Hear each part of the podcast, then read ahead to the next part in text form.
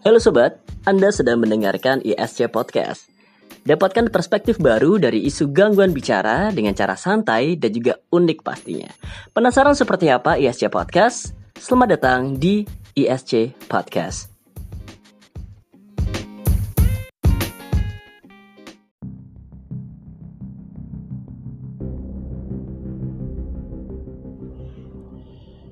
Assalamualaikum warahmatullahi wabarakatuh Selamat siang semuanya. Nama saya Muhammad Dwiki Firmansyah. Saya berasal dari Tangerang Selatan.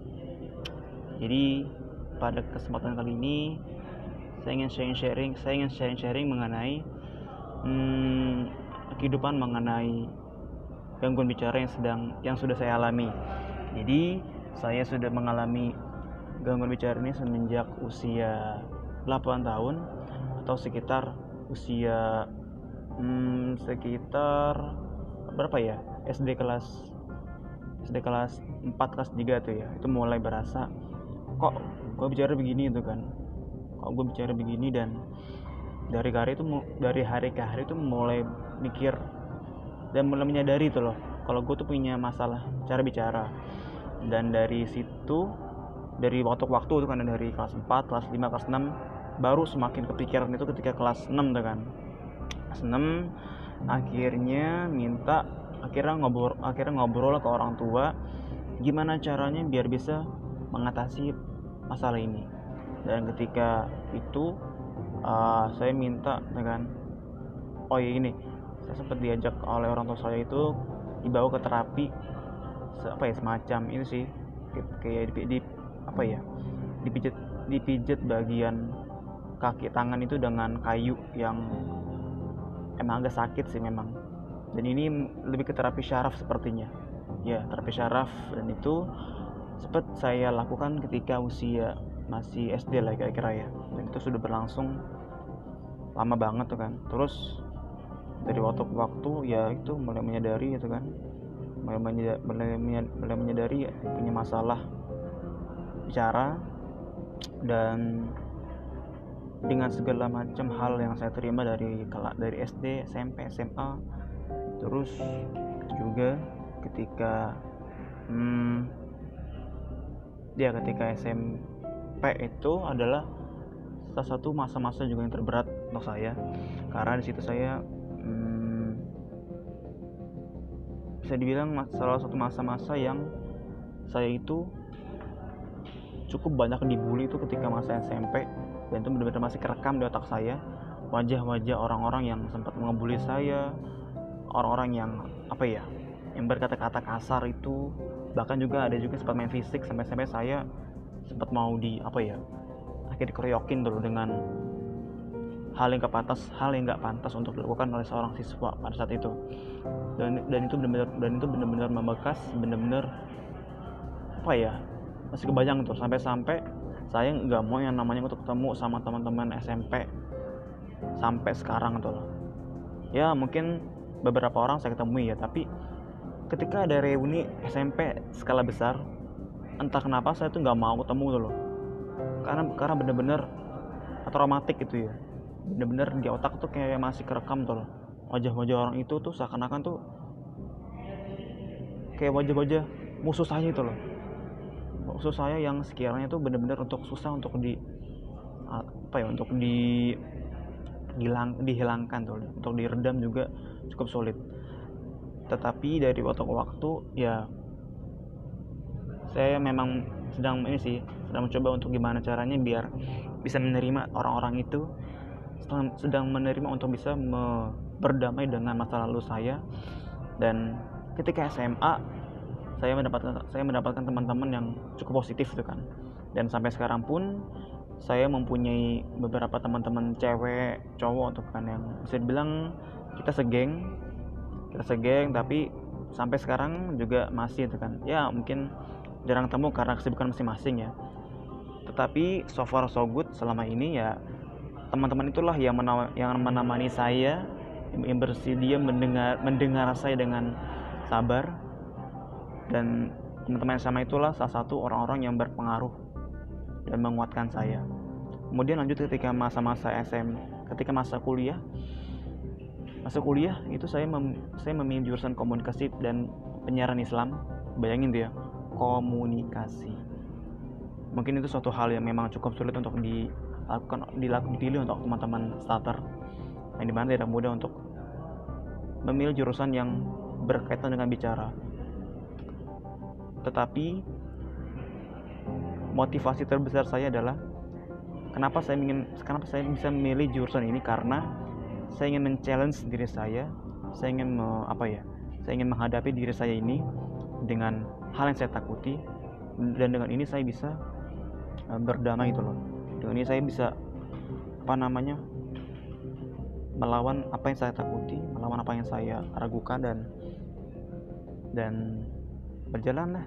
Dengan kuliah sampai sampai enam tahun kira-kira. Nah kenapa enam tahun? Karena jadi saya sempat mas sampai saya sempat berada di masa-masa down yang di mana ketika semester lima itu saya berada pada kondisi yang cukup parah sih memang bisa dibilang. Masa-masa terparah dengan di masa-masa kuliah. Yang di mana ketika itu di pertengahan semester 5 saya mendapati pada suatu mata kuliah kualitatif dan ada satu dosen yang apa ya bisa dibilang tuh dia tuh omongannya tuh cukup cukup kasar tuh kan. Dan entah kenapa saat itu saya saat itu saya tuh bener-bener baper parah tuh loh. Saya bener-bener kayak sedang digampar habis-habisan. Memang mungkin buat sebagian orang kata-kata itu mungkin nggak terlalu nggak terlalu apa ya nggak terlalu parah buat mereka ya. Tapi buat saya sendiri itu suatu hal yang nggak mudah tuh loh. Dan itu bener-bener memberatkan diri saya sendiri itu kan. Saya sempat saya sempat yang namanya pengen pindah jurusan pengen pindah pengen pindah fakultas bahkan pengen pindah kampus. Pada akhirnya saya saya berpikir ulang gimana caranya biar saya saya berpikir ulang gimana caranya saya bisa berdamai dengan diri saya sendiri pada saat itu. Dan saya akhirnya memutuskan untuk saya mengurangi hmm, mata kuliah yang saya pilih. Dari tujuh pilih dari tujuh pilihan mata kuliah yang saya ambil saya bisa fokus ke dua mata kuliah. Dan impactnya apa? Dampaknya apa? Saya ketika itu eh, apa namanya IP saya yang pasti amburadul yang pasti anjlok. Terus kemudian ya gitu psikologi saya psikologi saya sempat benar-benar parah sih. Bahkan saya juga sempat saya bahkan saya bahkan juga di semester lima itu saya tidak mau yang namanya eh enggak, enggak, saya jarang ke kampus tuh loh. Kalaupun ke kampus saya jarang masuk ke kelas.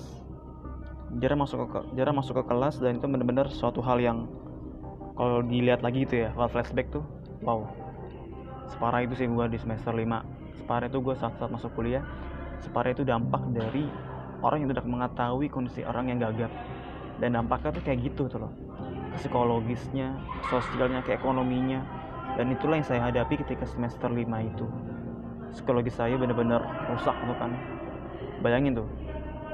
Ketika itu ketika dosen itu dia mengatakan kata-kata itu dengan serentak teman-teman kelas pada ketawa dan saya dan saya hanya bisa terdiam terdiam membisu terdiam dan bingung untuk berkata-kata tuh dan pada hari itu juga saya benar-benar konflik batin.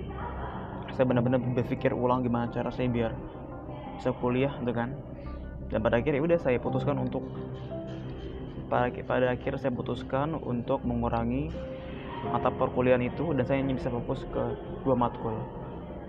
Ketika sudah singkat, singkat cerita saya beristiqoroh saya berpikir ulang kepada Allah Subhanahu Wa Taala agar menemukan jalan yang terbaik.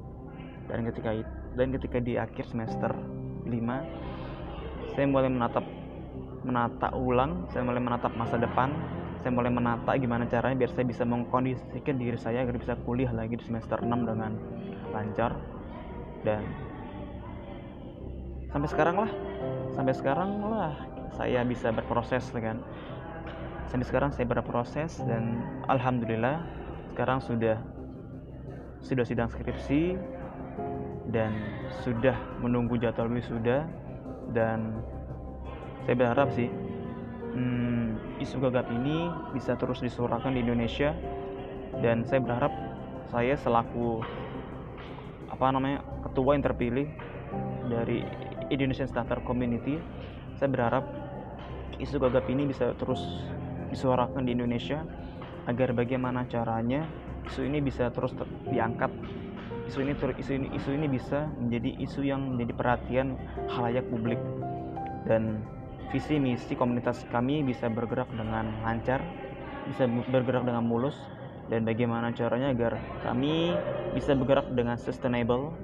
Sampai akhirnya kami bisa mewujudkan visi misi kami ter ter apa ya ter terjadi dengan lancar dan kami pun bisa menjadi komunitas yang pertama kali di Indonesia dan terbesar di Indonesia dalam me menghimpun menangani menangani teman-teman yang membutuhkan solusi dalam berbicara dengan lebih baik lagi.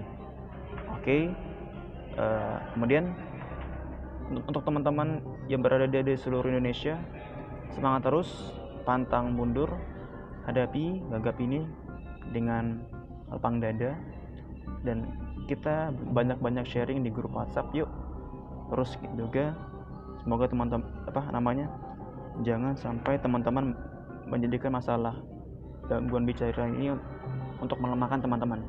Karena saya saya karena saya yakin setiap orang mempunyai kapasitas kapasitas masing-masing.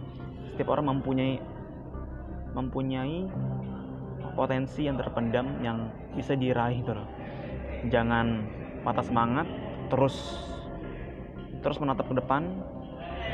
Kuatkan goals dan masa depan kalian impian-impian kalian dan apa yang sekiranya kalian ingin capai.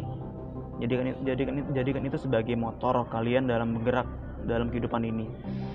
Karena kita hanya hidup sekali. So enjoy the life.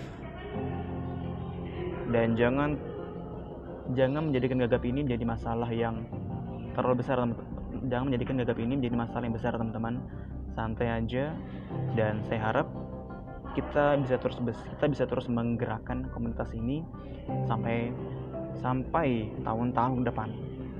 Oke, sekian dan terima kasih. Wassalamualaikum warahmatullahi wabarakatuh.